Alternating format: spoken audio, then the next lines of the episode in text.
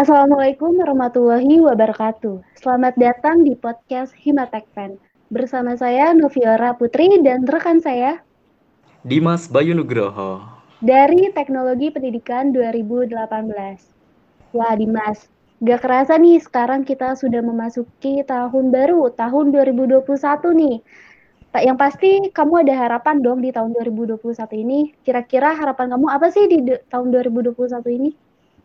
Iya Novi, jadi di tahun yang baru, tahun 2021, saya sih berharap bahwa ada motivasi yang baru serta harapan-harapan yang lebih baru dan lebih baik dari sebelumnya.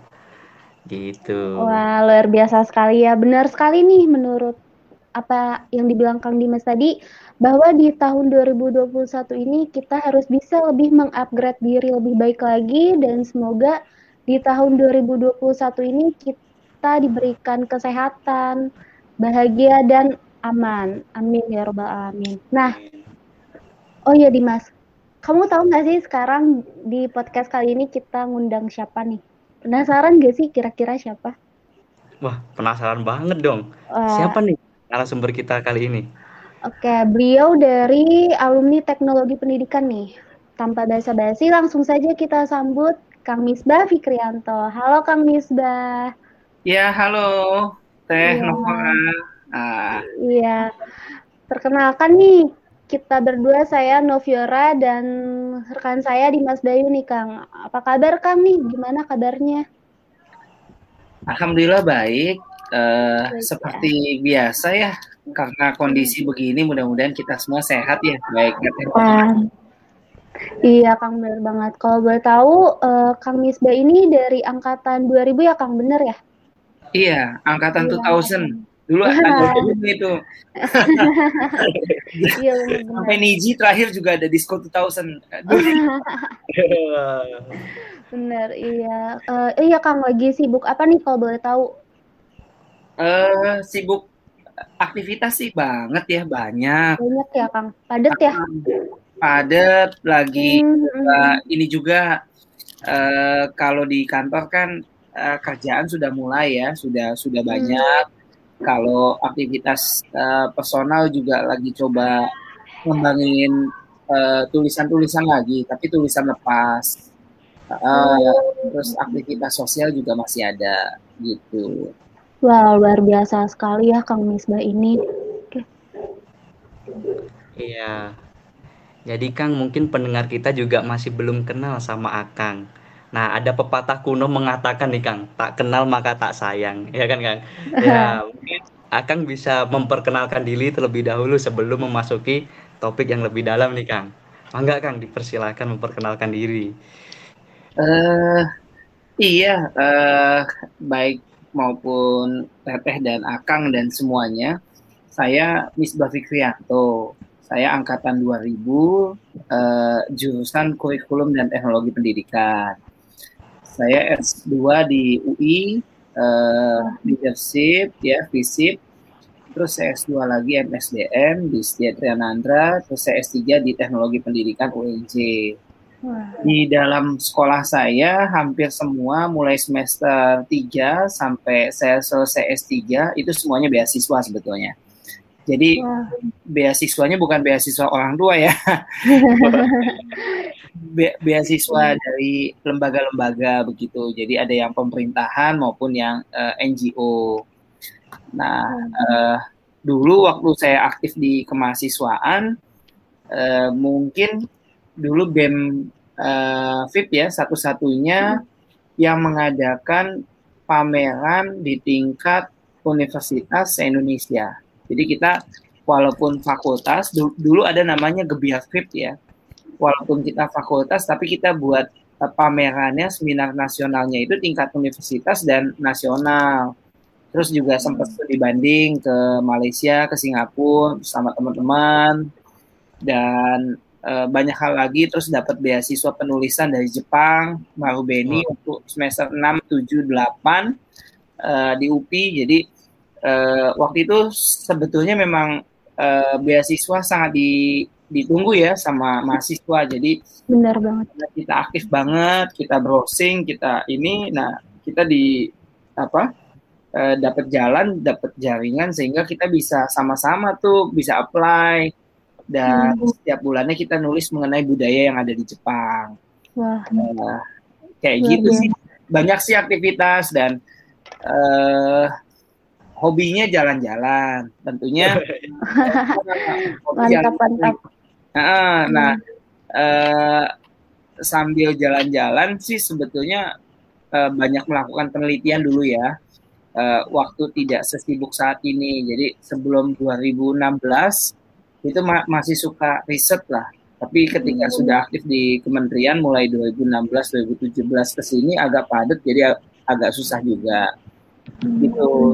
Saya udah keliling di uh, lebih dari 10 negara baik Wah. di Asia, Eropa maupun di Amerika. Jadi uh, ya memang hobinya jalan-jalan sih, cuman pada masa pandemik ini uh, agak sulit. Kalau 34 hmm. provinsi di Indonesia udah, saya sudah ke sekitar 274 kota kabupaten kalau di Indonesia dari 500 lebih kota kabupaten di Indonesia. Jadi setengahnya sih, setengahnya udah udah jalan-jalan walaupun setengahnya juga banyaknya di Jawa, Kalimantan dan Sulawesi. Di pulau lain belum. Mungkin itu dulu ya, Teh. Keren banget, Kang. Wah, hebat hebat. Iya. Luar biasa. Iya, ya. luar biasa ya teman-teman. Ternyata Kang Misbah itu memiliki sangat sangat sangat sekali banyak memiliki pengalaman-pengalaman gitu di dalam khususnya di dalam bidang akademik. Ini Kang, sebelum uh, mungkin jauh ke sana, mungkin kita flashback dulu Kang. Mungkin uh, bagaimana sih akan bisa memilih Universitas Pendidikan Indonesia nih khususnya waktu sarjana dan khususnya di jurusan teknologi pendidikan. Apakah itu keinginan dari Akang sendiri atau bagaimana nih Kang? Uh, boleh jujur ya. Uh, boleh, boleh, boleh Kang. Jadi waktu waktu SMP dan SMA saya suka main musik dan olahraga. Olahraganya hmm. main uh, bola. Dulu belum belum zamannya futsal main bola lapangan. Uh, terus yang kedua suka main musik. Nah pada saat kelas 3 kelas 3 SMA uh, saya itu sebetulnya ikut ujian D3 extension UI jurusannya program studinya broadcasting dan uh, saya sudah diterima sebetulnya di D3 UI dan sudah bayar uang muka waktu itu. Hmm. Nah, tapi kenapa saya ikut dulu namanya UMPTN ya? UMPTN kalau sekarang kan uh, eh, SPMB atau uh, eh, SBMPTN ya, ya. nah iya kan dulu namanya uh, uh, UTBK ya. Uh, du dulu namanya UMPTN saya memang pilih uh, UPI ya sama uh, UNY waktu itu pilihan saya UPI sebetulnya. Nah saya memang pilih teknologi kurikulum dan teknologi pendidikan karena yang pertama uh, saya lihat yang namanya eh, film-film uh, pendidikan uh, dulu di TPI ya film-film uh, pendidikan terus juga uh, apa ya animasi gitu kayaknya enak gitu. Nah yang ada di bayangan saya itu begitu dulu. Nah tapi uh, ke Bandung sebetulnya tujuannya bukan uh, hanya ke UPI sebetulnya jadi ke Bandung itu teman-teman lima orang uh, anggota band saya tiga orang di Bandung. Nah, jadi sama saya empat. Nah, jadi kalau udah empat itu udah bisa jam session gitu, udah udah bisa main gitu. Kalau misalnya hmm. tiga ma ma masih kurang waktu itu. Nah, kebetulan empat sama saya, jadi kita juga setiap malam minggu uh, ngamen di Dago gitu ya, uh, malam Sabtu, malam Minggu. Jadi memang ke Bandung ada motivasi juga sih, gitu dulu. Oh, ternyata Kang Misbah ini anak band ya dulunya ya. Saya baru tahu Kang.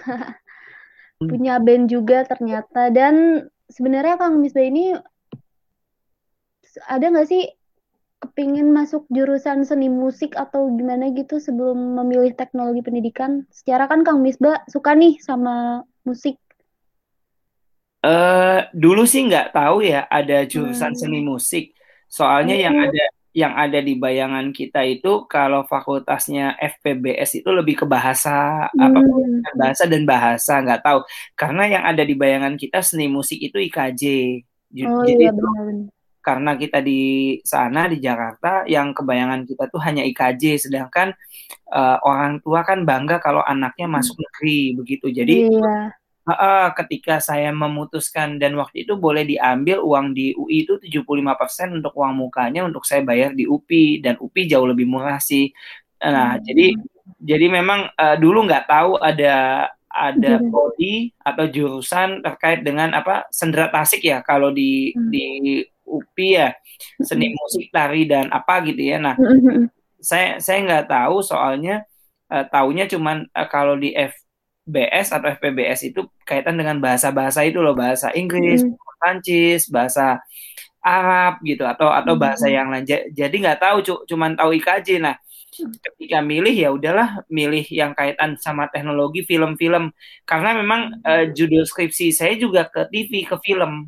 Jadi waktu itu uh, memang saya senang nonton TV, nonton film apa ya uh, pendidikan yang bisa di apa ya istilahnya dilalui atau dijembatani oleh media televisi. Dulu kan ada TPI ya. Iya, Kalau TPI. soalnya kalau TPI dulu bukan kayak TPI, tapi memang kayak pendidikan begitu, kayak Hmm. uh, uh, apa uh, channel Aku Cinta Indonesia, ACI gitu kan, terus uh, film uh, budaya belantara Indonesia gitu. Ja- Jadi memang kayak kayak gitu ada ada sejarahnya, ada nilai-nilai uh, historisnya begitu. Jadi senang aja sih gitu. Oh, gitu. Berarti Kang Misda ini mahasiswa rantau ya bisa dibilang ya? Iya, ngekos. Wah. Eh, kalau boleh tahu, Akang asal mana ya? Asal Jakarta atau Iya, saya asal saya Jakarta? asal Jakarta Timur, Pondok Bambu. Wah, wah, orang Jaktim. Iya. Oke, Kang. Nih, ketika Akang keterima nih di jurusan Teknologi Pendidikan, perasaan Akang gimana sih? Secara kan Akang kan eh, apa ya istilahnya kan sebelumnya tidak pernah terfikirkan gitu memilih jurusan ini gitu. Eh just just surprise memang. Jadi Hmm. pada saat saya dapat pengumuman waktu itu pagi-pagi habis sholat subuh kan memang cari di koran ya. Dulu kan belum belum eh, portal website kan belum terlalu CMS konten eh, manajemen sistem kan dulu belum belum terlalu populer ya. Nah, jadi memang cari di koran pagi-pagi habis subuh dan itu eh, agak jauh jalan kaki. Jadi karena adanya di dekat pasar begitu di pasar Impres Pondok Bambu jadi saya jalan ke sana ke agen dan waktu itu ada sih memang eh, dua koran yang eh, mem- memberitakan ini termasuk juga eh, apa eh, saya, saya saya lupa dua koran itu. Dan saya cari nama saya nggak ada. Jadi pada saat saya buka na- nama nggak ada tuh. Tapi jam-jam setengah delapan teman saya eh, telepon. Waktu itu kan Hmm. belum zamannya WA ya telepon. Miss Iya. lo juga keterima di mana di IKIP di BUPI gitu kan. Iya. Eh, ah masa sih? Iya nih. Eh, buka deh halaman sekian. Nah kebetulan koran yang dia beli sama yang saya beda. Nah, Oh, ah, kalau Iya. saya eh, beli apa ya lupa warta kota atau apa gitu ya. Eh, maaf kalau menyebutkan brand begitu. Nah eh, teman saya beli yang lain gitu. Nah memang saya nggak detail. Jadi kan waktu itu kayaknya pengumuman itu eh, hurufnya kecil ya font font size dan banyak begitu. Nah jadi saya nggak nggak nggak dapet. Nah tiba-tiba teman saya kasih nah saya beli di koran itu memang benar nah saya cek lagi di di koran saya memang ada. Jadi saya kaget aja saya sempat lompat dari tempat tidur tuh setengah tujuh pagi senang banget tuh senang banget dan eh, ngasih tahu ke ibu ya ke mama papa gitu ke ibu bapak kalau keterima. Sebetulnya waktu itu ibu bapak sebetulnya eh, ngasih pilihan sih ngasih pilihan kalau mau di Bandung boleh di Depok juga boleh gitu tapi saya udah happy banget gitu enak ya Kang ya di Bandung ya suasananya. di Bandung mendukung sih sebetulnya untuk Iya. main eh salah ya untuk juga Ya. Ya. Jadi nih Kang, setelah tadi bercerita keterima di IKIP atau UPI Bandung. Nah, hal apa saja sih Kang yang paling berkenan gitu ketika Akang berkuliah di jurusan Teknologi Pendidikan ataupun kuliah di Universitas Pendidikan Indonesia? Bagaimana sih Kang hal-hal apa saja sih yang paling berkenan ketika berkuliah sarjana? Uh, iya, uh, Kang Kang Dimas ya. Uh, jadi uh, sebelum hal-hal yang paling berkesan itu sebetulnya saya pengen cerita sedikit uh, uh, apa uh, pilihan atau kecelakaan. Maksud saya begini, hmm. orang memilih uh, kurikulum teknologi pendidikan sebagai pilihan atau orang uh, kecelakaan gitu ya tidak memilih tapi hanya menjadikan uh, kurtek atau teknologi pendidikan itu sebagai alternatif. Nah, kalau saya memang karena ada dua motivasi tadi, satu pengen kuliah di uh, kaitan dengan TV-TV begitu, dengan film-film begitu. Terus yang kedua juga pengen main musik. Jadi saya memang motivasi ke Bandung itu kuat banget, kuat hmm. banget sampai saya didampingi ibu saya naik kereta uh, daftar sampai cari kosan di Geger Kalong waktu itu. Nah, saya pengen sampaikan bahwa motivasi kuliah itu penting banget. Itu yang pertama. Hmm. Terus yang kedua, uh, kesan dan uh, pesan ataupun sesuatu yang uh, unik sih ya, yang unik atau yang uh, berbeda dapat di di fakultas atau jurusan ataupun universitas. Yang pertama adalah uh, memang kalau yang saya lihat waktu itu ya ketika saya masuk ke kurikulum teknologi pendidikan hampir teman-teman itu tidak mengetahui apa itu kurikulum teknologi pendidikan. Jadi ketika masuk itu bingung, semuanya pada bingung. Nah, eh, apalagi ketika eh, mohon maaf ya ketika Mabim ataupun eh, PMB begitu ya atau LDKM. Eh, LDKM kalau sekarang kan sudah sudah ada kurikulumnya ya.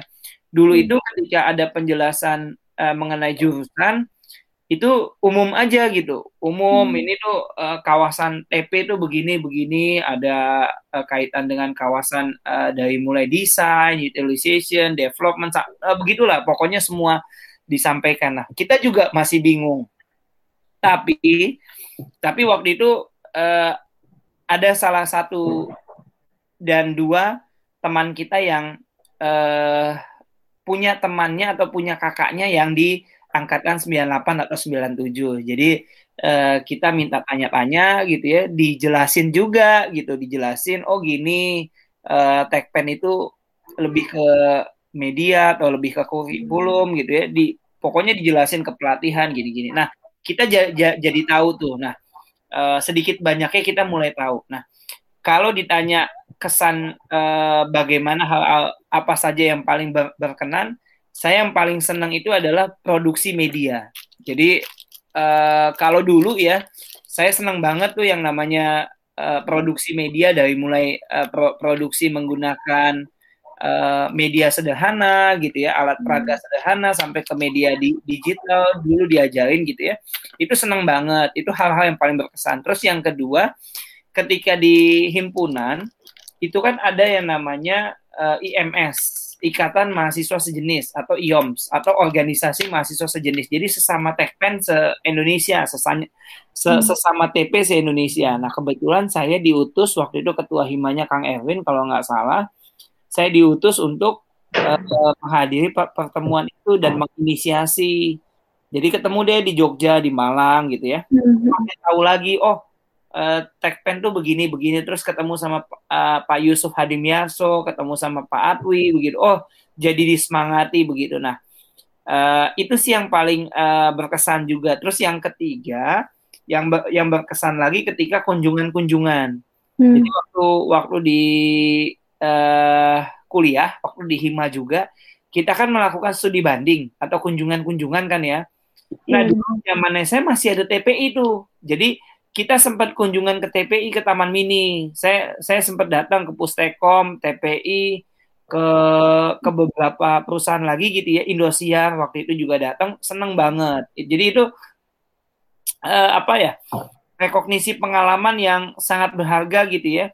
Uh, dan itu nggak bisa dilupain gitu ya sampai kita uh, apa uh, ya produksi media, kita kunjungan dan sebagainya. Seneng sih karena dulu satu kelas doang gitu ya kalau sekarang kan TP tuh katanya ada yang 80 ya satu angkatan ya banyak ya. Iya, iya Kang benar. Kalau dulu kita cuman kecil ya 26 atau 25 hmm. gitu satu kelas. Jadi ya ya udah deket semua gitu. Hmm. Hmm. Kalau boleh tahu waktu pas angkatan Akang tuh ada penjurusan gak sih Kang? Kan kalau di tahun ini kan ada dua penjurusan ya, ada kurikulum sama media nih. Kalau tahun lalu, eh kalau di tahun Akang tuh seperti apa Kang? karena kita sedikit hmm. mahasiswanya, mahasiswanya hmm. cuma 25 atau 27, tapi saya masih ingat NIM saya 001692. Jadi uh, itu, itu, karena uh, karena memang berkesan ya. Nah, hmm. kalau dulu nggak nggak ada penjurusan, jadi hmm. uh, semuanya itu dapat baik media, tadi kurikulum, uh, pendidikan hmm. pelatihan gitu ya, uh, semuanya dapat. Uh, dan memang wacana uh, apa istilahnya peminatan atau kekhususan ataupun konsentrasi itu uh, tiga angkatan di atas kita. Jadi mungkin 2003 kalau nggak salah itu wacana itu mulai di jadi waktu kita semester 5 ya, waktu kita semester 5 itu datang Asosiasi Program Studi Teknologi Pendidikan se-Indonesia yang tahun tahun ini masih ketuanya Pak Dekan kita tuh, Pak Rudi. Pak Rudi uh, Pak Rudi kan sudah dua periode tuh ketua Asosiasi Pro Program Studi Teknologi Pendidikan ya. Nah dulu datang sempat nyamain kurikulum dan ada kesepakatan untuk dibuat konsentrasi-konsentrasi gitu. Kayaknya hmm. mulai tiga, tiga angkatan di atas kita deh, uh, apa setelah kita gitu. Jadi kita masih gabung teh gitu. Hmm, betul betul. Berarti tiga angkatan di atas angkatan 2000 2003 ya Kang ya 2003 ke atas yeah. mulai ada konsentrasinya. Nah, Kang berbicara mahasiswa nih. Akang ini termasuk bisa dibilang mahasiswa kura-kura nih kuliah rapat kuliah rapat bener gak sih Kang? Kok tahu sih? Iya soalnya kan tadi kan Akang udah cerita nih pengalamannya wah banyak sekali. Apalagi Akang kan demen jalan-jalan nih yang tadi dikatakan Kang Misbah suka studi banding terus uh, Akang tuh apa ya uh, ketua ya ketua Kemafip ya dulunya ya. Bisa dipastikan mahasiswa kura-kura nih kuliah rapat kuliah rapat.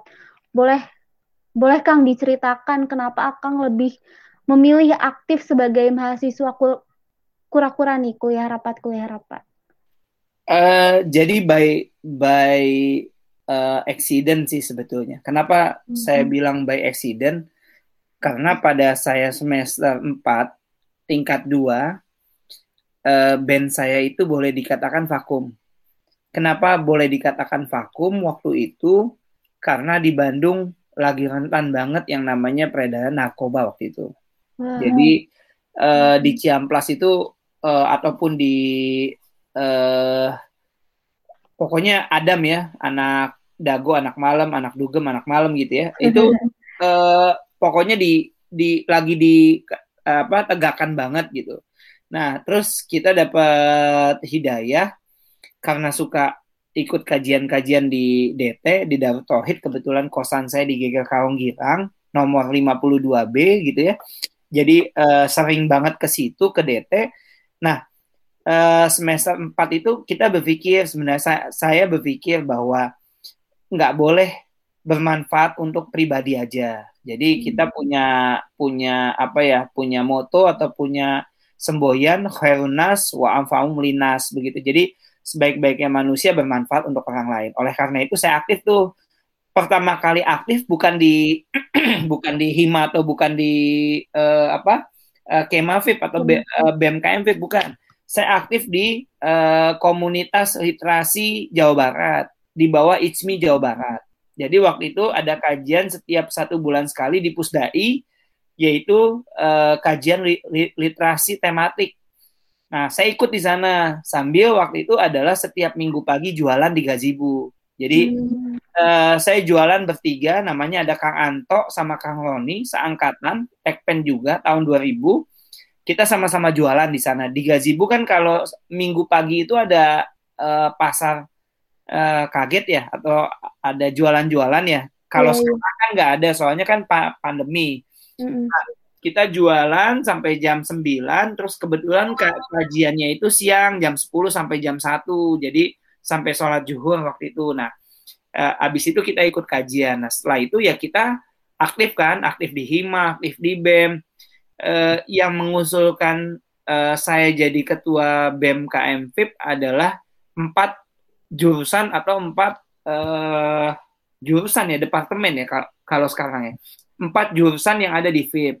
Yaitu PPB psikologi pendidikan uh, bimbingan dan konseling terus Himatekpen, Hima PLS sama PLB jadi mayoritas waktu itu nah jadi dari empat jurusan itu ya udah uh, saya terpilih ya udah oke okay. nah memang saya kura-kura sih sebetulnya kuliah rapat kuliah rapat bahkan dulu kita punya semboyan jangan sampai uh, apa ya kuliah mengganggu rapat begitu.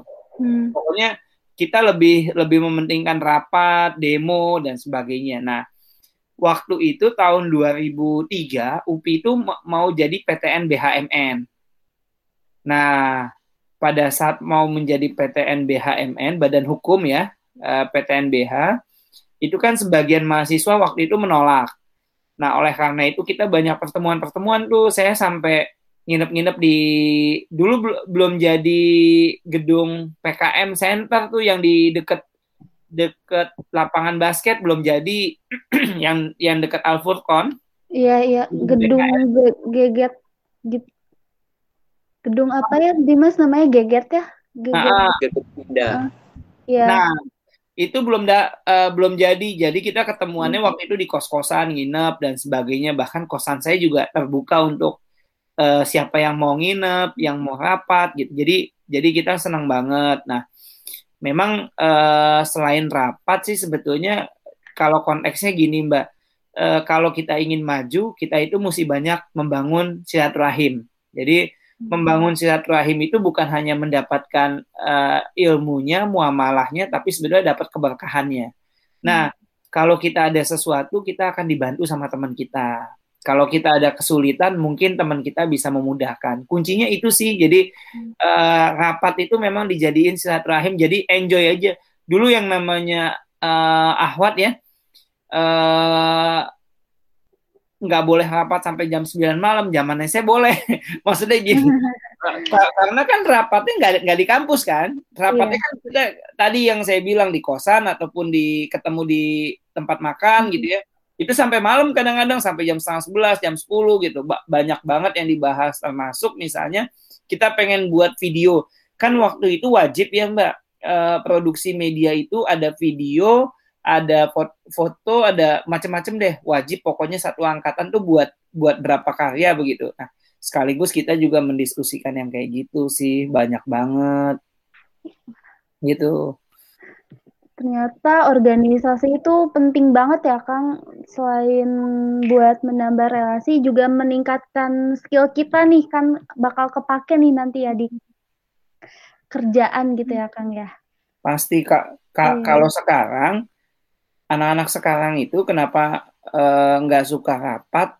Karena media sosial ataupun gadget itu udah jadi hands on gitu loh. Mm -hmm. Jadi uh, rapat buat apa kalau kita bisa telepon bisa gitu loh jadi uh, hmm. instan gitu pengennya cepet-cepet kalau sekarang kalau dulu kan mungkin media sosial ataupun handphone nggak nggak terlalu hands on ya nggak terlalu close gitu. Bedanya hmm. sih itu sih di di di zamannya mungkin ya sekarang kan disrupsi ya gitu. Iya. Iya betul sekali kang. Apalagi sekarang juga banyak mahasiswa yang kalau semama kuliah pun juga kuliah pulang, kuliah pulang ataupun kunang-kunang, kuliah nangkring dan kuliah nangkring. ya, mungkin ini Kang yang ya mungkin yang ditanyakan biar jadi motivasi buat teman-teman mahasiswa yang lain gitu, juga mahasiswa teknologi pendidikan. Bagaimana sih cara Akang membagi waktu antara kesibukan berorganisasi juga e, membagi waktu antara belajar, Kang? Terutama belajar di bidang keilmuan teknologi pendidikan. Bagaimana sih Kang biar jadi motivasi teman-teman yang lainnya juga gitu? Iya, uh, yang pertama, uh, if you have idea, uh, please do it. Jadi ketika Anda punya ide, Anda lakukan itu.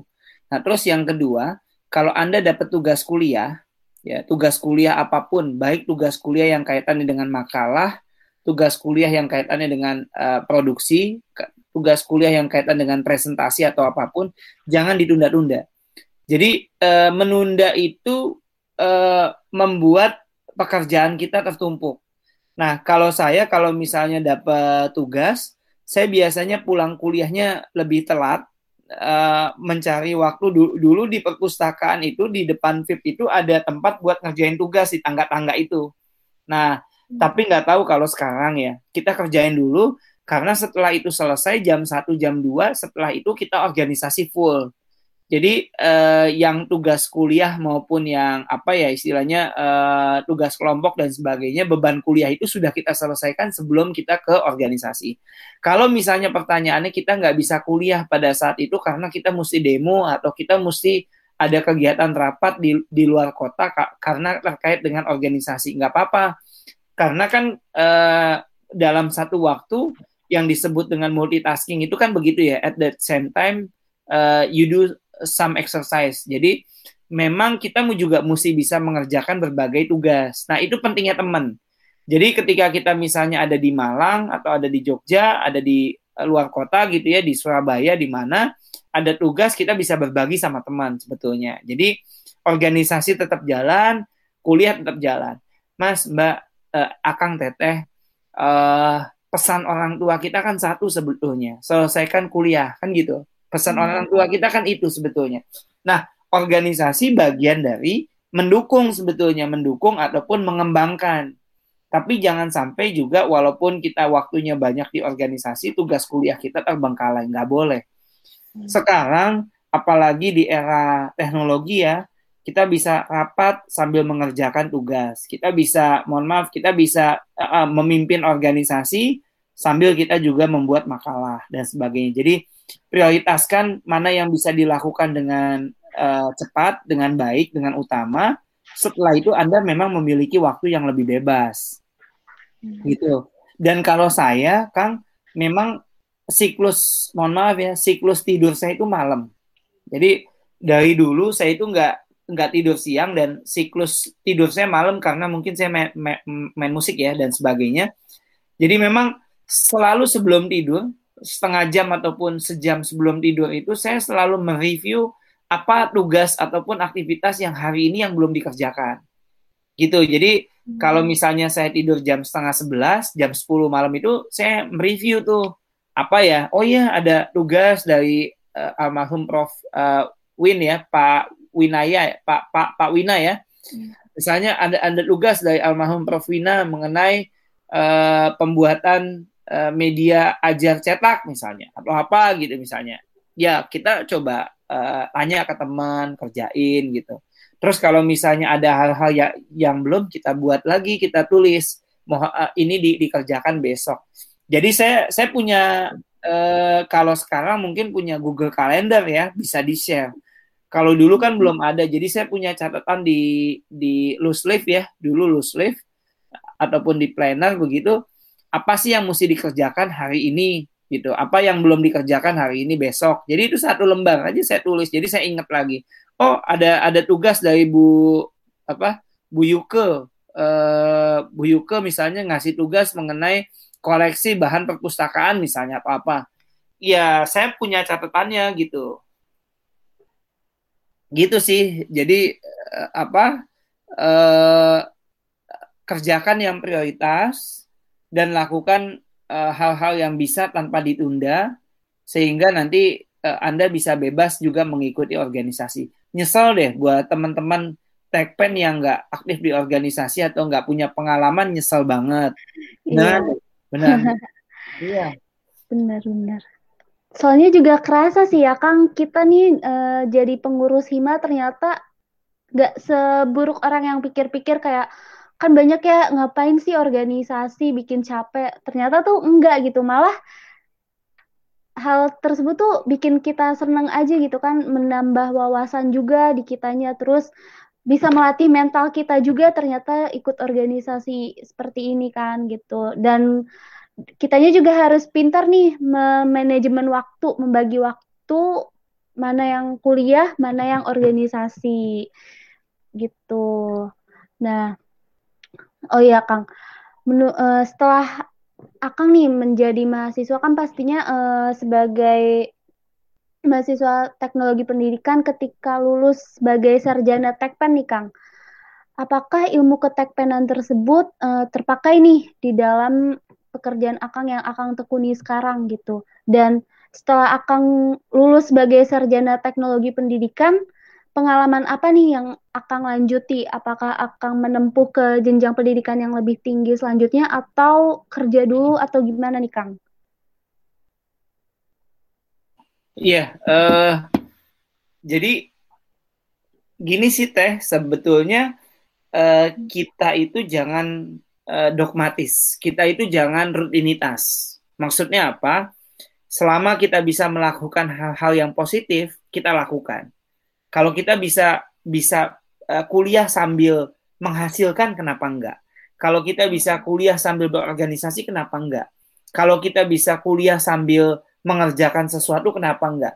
Kalau misalnya nanti Mbak Mbak uh, eh teh teh teh no, no, Novi teh, teh Novi ya. Kalau yeah. teh Novi uh, browsing di PD Dikti, di PD Dikti di, pangkal, di pangkalan data pendidikan tinggi, coba browsing nama saya Misbah Fikrianto. Saya juga masih terdaftar di situ mahasiswa perpajakan UT, mahasiswa komunikasi Unpad. Jadi pada saat saya di Bandung, saya ngambil lagi kuliah sebetulnya di di di UT UPPJJ Cibiru ya. Kalau sekarang kan Pak Asep ya dekat sana ya, dekat iya, dekat kampus daerah sih, de, dekat iya. kampus di sana. Tapi ada uh, UT di sana. Nah, uh, jadi apa pun yang bisa kita lakukan kita lakukan gitu.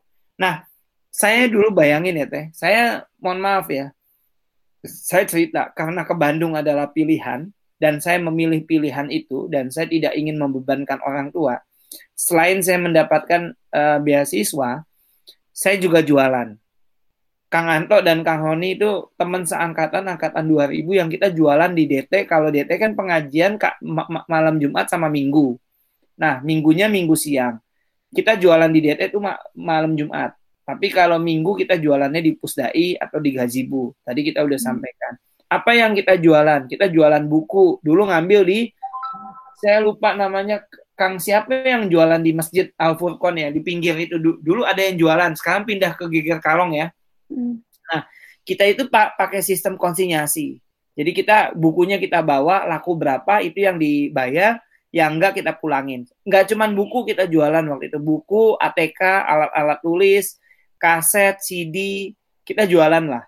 Nah, jualan kita dengan sistem konsinyasi karena kita nggak punya uang. Terus ditambah juga saya di kosan, waktu kosan saya semester tingkat 3 itu semester berapa ya? Tingkat 3 itu semester 5, semester 6, saya kan pindah ke Geger Kalong Tengah. Jadi saya nih eh, di kosan saya seputar Geger Kalong aja teh. Jadi dari mulai hmm. Geger Kalong Girang nomor 52B Terus saya pindah ke Geger Kalong Tengah yang agak turun ke bawah itu dekat rumahnya Pak Rusman. Nah, saya kos di situ kebetulan yang anak UPI-nya cuma saya. Selebihnya anak Unpas dan anak NHI karena memang sudah agak ke bawah. Kan eh, Geger Kalong Tengah.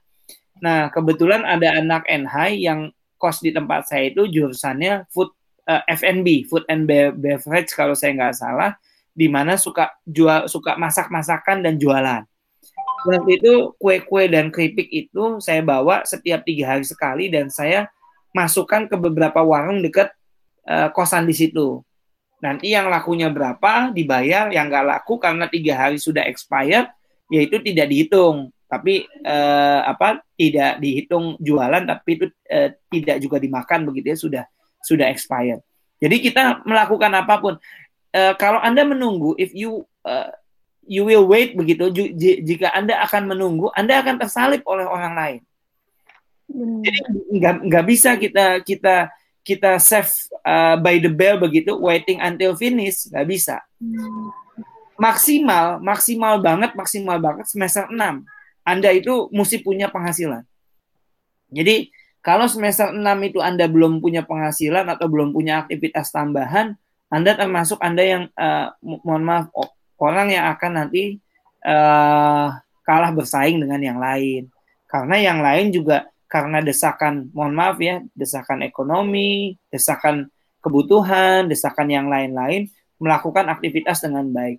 Sekarang Mbak yang bisa dilakukan yang inline dengan program studi kita tuh banyak banget. Salah satunya adalah jualan aplikasi LMS atau aplikasi CMS atau aplikasi uh, pembelajaran online Android dan sebagainya saat pandemi COVID ini.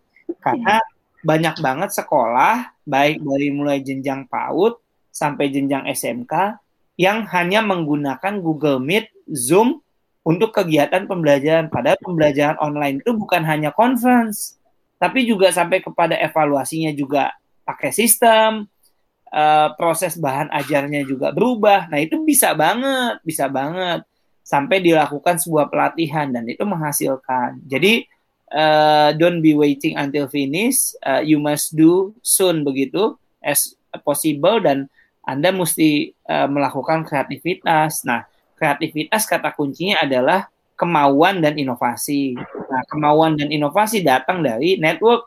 Kalau Anda nggak punya network, nggak punya teman, nggak punya jaringan, Nah, gimana? Iya.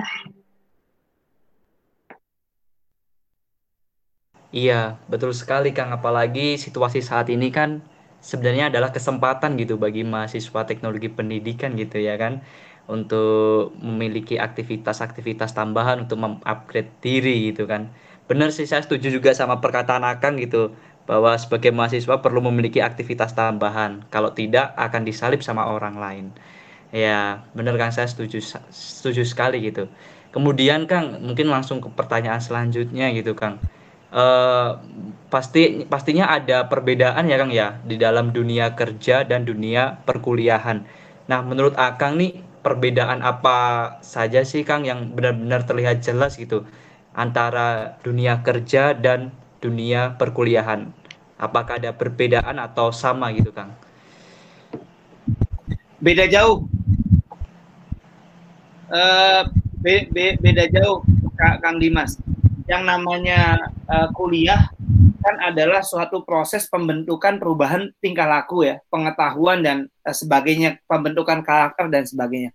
Kalau bekerja mah bukan proses pembentukan tingkah laku, tapi adalah proses pembuktian atau melaksanakan profesionalitas berdasarkan kompetensi. Jadi memang beda jauh, beda jauh. Jadi kalau kuliah salah mafum uh, di, dipahamkan begitu. Tapi kalau bekerja salah, apalagi salahnya kesalahan kita, maka ada ada konsekuensinya, ada dampaknya begitu. Nah, uh, memang beda jauh. Tapi uh, ada namanya pro probation period, masa uji coba. Ada namanya magang, internship, on job training dan sebagainya. Itu adalah bagaimana how to know uh, ya uh, selain how to know, how to do dan how to uh, applicate. Jadi eh, bagaimana kita mengetahui, bagaimana kita melakukan dan bagaimana kita mengaplikasikannya. Nah, kalau di kuliah kan Anda bayangkan kalau misalnya eh, kita tidak mengumpulkan tugas sekarang, dosennya ma ma masih bisa memahamkan besok. Tapi kalau di kantor, di perusahaan, kita nggak bisa mengejar deadline, ruginya bisa berapa ratus juta atau bisa berapa. Kalau misalnya kita tidak bisa membuktikan kepada klien bahwa hari ini selesai. Nah, yang kedua yang mesti dibedakan lagi adalah tanggung jawab. Tanggung jawab ini penting. Kalau di eh, pekerjaan, tanggung jawab itu melekat pada hak dan kewajiban. Oke, okay? hak dan kewajiban. Jadi kalau Anda tidak bertanggung jawab, Anda bisa jadi hak Anda tidak mendapatkan atau ada potongan atau ada sanksi. Tapi kalau di kuliah, kalau hak dan kewajiban kita tidak, mohon maaf, tidak terpenuhi, mungkin lebih masih punya peluang kita untuk remedial ataupun mengulang mata kuliah di uh, semester di bawahnya. Jadi memang masih uh, be beda jauh ya Kang, beda jauh. Nah, teknologi pendidikan itu sangat dibutuhkan saat ini, sangat dibutuhkan.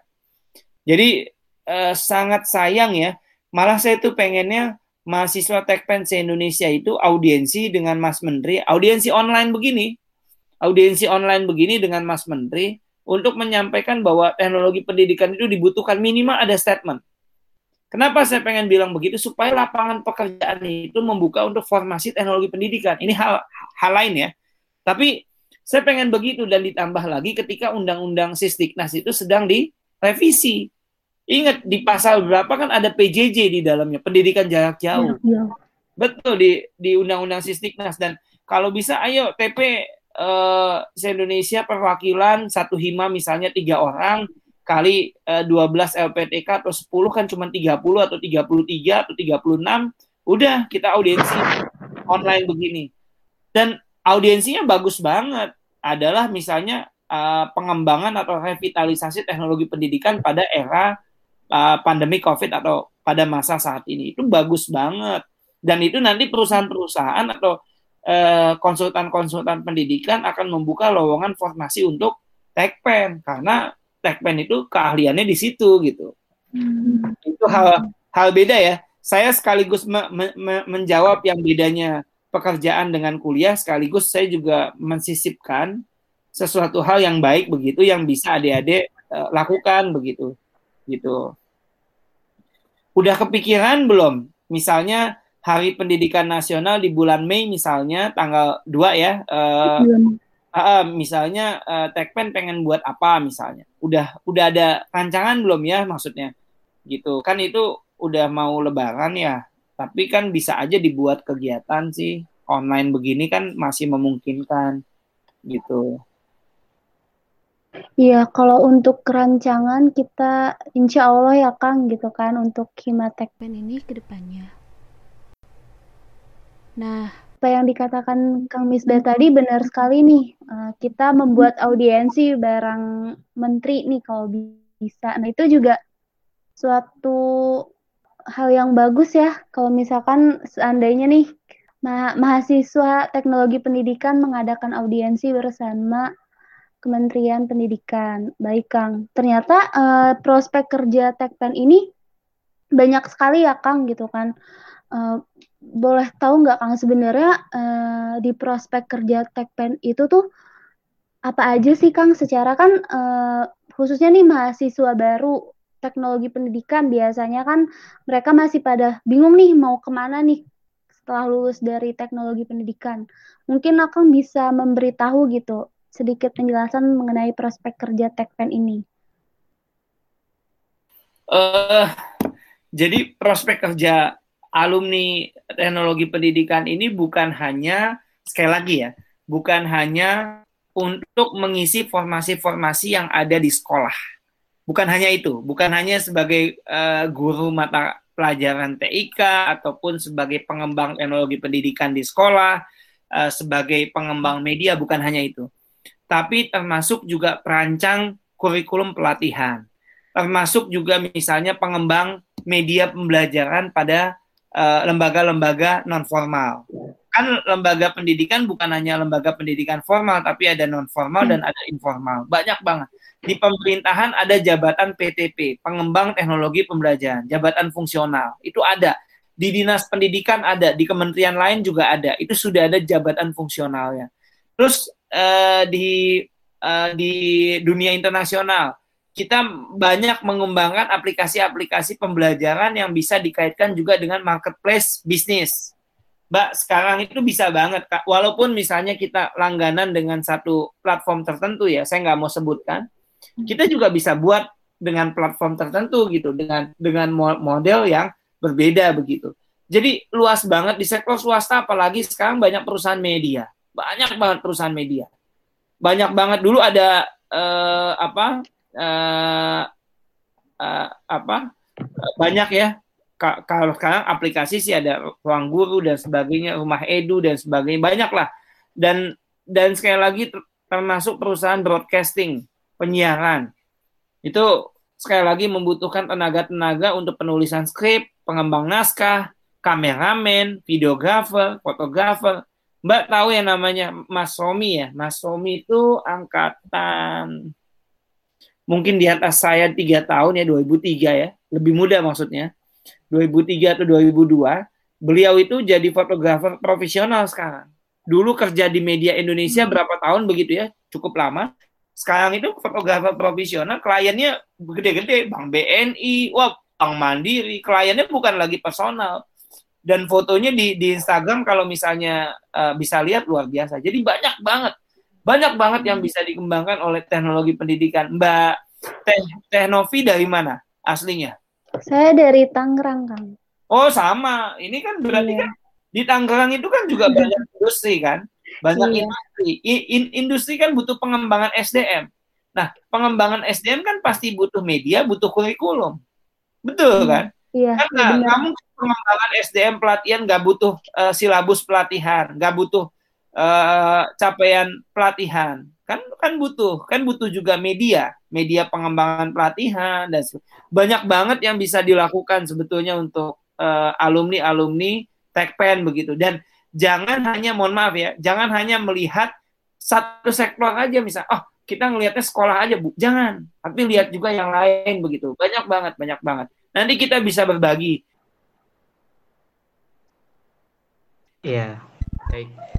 Jadi bagi teman-teman pendengar semuanya, khususnya mahasiswa teknologi pendidikan di seluruh Indonesia dan di Universitas Pendidikan Indonesia, uh, kita jangan khawatir gitu. Ketika lulus nanti kita mau ke mana dan bagaimana. Dari penjelasan Kang Misbah tadi uh, sangat banyak gitu prospek bagi lulusan teknologi pendidikan gitu, dan kita bisa masuk ke mana-mana gitu dan kita jangan melihat satu sektor saja gitu teman-teman pendengar semuanya. Yang terakhir nih Kang eh, pesan Akang untuk mahasiswa teknologi pendidikan di seluruh Indonesia khususnya juga di Universitas Pendidikan Indonesia dan himpunan teknologi pendidikan apa sih Kang pesan untuk kita semua untuk ke depannya maka Kang? Ya, uh, Kang Dimas dan Teh Novi, uh, pesannya banyak ya, tapi bukan pesan makanan minuman ya. uh, pesannya banyak. Yang pertama itu adalah uh, setiap aktivitas kita itu akan dipertanggungjawabkan di akhirat nanti. Oleh karena itu, manfaatkan semua aktivitas, semua waktu Anda untuk kebaikan. Apa pun itu. Jadi uh, lakukan uh, dari mulai hidup Anda bangun tidur sampai tidur kembali itu untuk kebaikan. Itu yang pertama. Terus yang kedua, bangun network sebanyak-banyaknya selagi kuliah. Jadi kuliah itu mahasiswa itu adalah status yang paling mudah untuk membangun networking.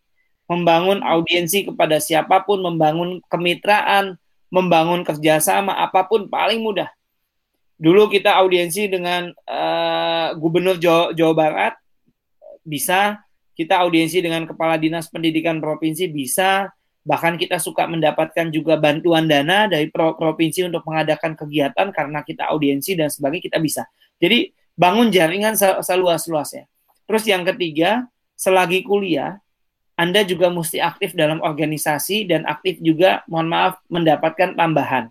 Bukan hanya tambahan ilmu, pengetahuan, tapi juga pendapatan uh, tambahan pendapatan sehingga Anda tidak membebani orang tua Anda. Karena pesan orang tua Anda satu, selesaikan kuliah sampai lulus. Pesannya satu. Oleh karena itu jangan sampai sudah kita dimasukkan ke dalam UPI atau ke dalam kampus tekpen begitu, kita tidak selesai malah kita uh, apa menjadi hambatan. Jadi itu. Nah, terus yang terakhir, yang terakhir wujudkan semua ide dan karya nyata Anda itu dalam hal yang uh, real, nyata, bermanfaat. Jadi kalau misalnya Anda punya kemampuan di bidang foto, Anda wujudkan karya foto terbaik Anda. Anda simpan di media sosial, di foto stoker, di di Flickr, di mana-mana Anda simpan. Kalau Anda punya kemampuan di bidang desain, grafik desain, Anda buat logo, Anda buat desain, Anda buat web desain, Anda buat yang lain-lain. Please buktikan bahwa Anda punya uh, kemampuan untuk membuat sesuatu. Yang terakhir, memang ya dalam hidup itu kadang-kadang ada rencana yang tidak bisa diwujudkan sesuai dengan rencana kita. Maka ikhlaskan, tapi tetap semangat dan kita perbaiki sehingga apa pun kondisinya kita sudah rencanakan PMB nyata tapi ternyata mesti online, kita udah rencanakan kita uh, melakukan kegiatan A, ternyata kondisinya nggak mungkin ikhlaskan, tapi kita lakukan perbaikan dan peningkatan. Insya Allah kita tidak menjadi hamba yang frustasi tapi kita menjadi hamba yang produktif. Mudah-mudahan itu dan eh, apa saya semangat sekali kepada teman-teman semua, mudah-mudahan Anda bisa bermanfaat ya, bukan hanya untuk pribadi tapi juga untuk manusia yang lain. Bangunlah ekosistem teknologi pendidikan berjamaah bersama-sama menuju pendidikan yang berkualitas. Uh, kalau ada jarum yang patah jangan disimpan di lemari, kalau ada kata-kata yang salah jangan dilaporkan ke Pak Polisi. ya, itu saja. Terima kasih ya. Wah, luar biasa sekali ya, guys, teman muda-mudi. Terima kasih kepada Kang Misbah yang setelah menyempatkan hadir di podcast Himatekpen kali ini nih. Nah, semoga apa yang telah dijelaskan beliau uh, mendapatkan manfaat bagi kita semua dan berguna untuk kita semua. Terima kasih ya Kang Misbah telah menyempatkan hadir. Semoga kita bisa dipertemukan di kegiatan berikutnya. Baik, uh, podcast kali ini sudah sampai di pengunjung acara. Semoga bagi kalian mendengarkan mendapatkan manfaatnya dan jangan pernah bosan untuk mendengarkan podcast Simatekpen ini. Saya Noviora dan rekan saya Dimas Bayu Nugroho. Pamit undur diri. Wassalamualaikum warahmatullahi wabarakatuh. Waalaikumsalam. Terima kasih ya Kang. Ya mudah jadi Tekpen guys. Terima kasih ya. ya. Amin. Ya, makasih pamit ya.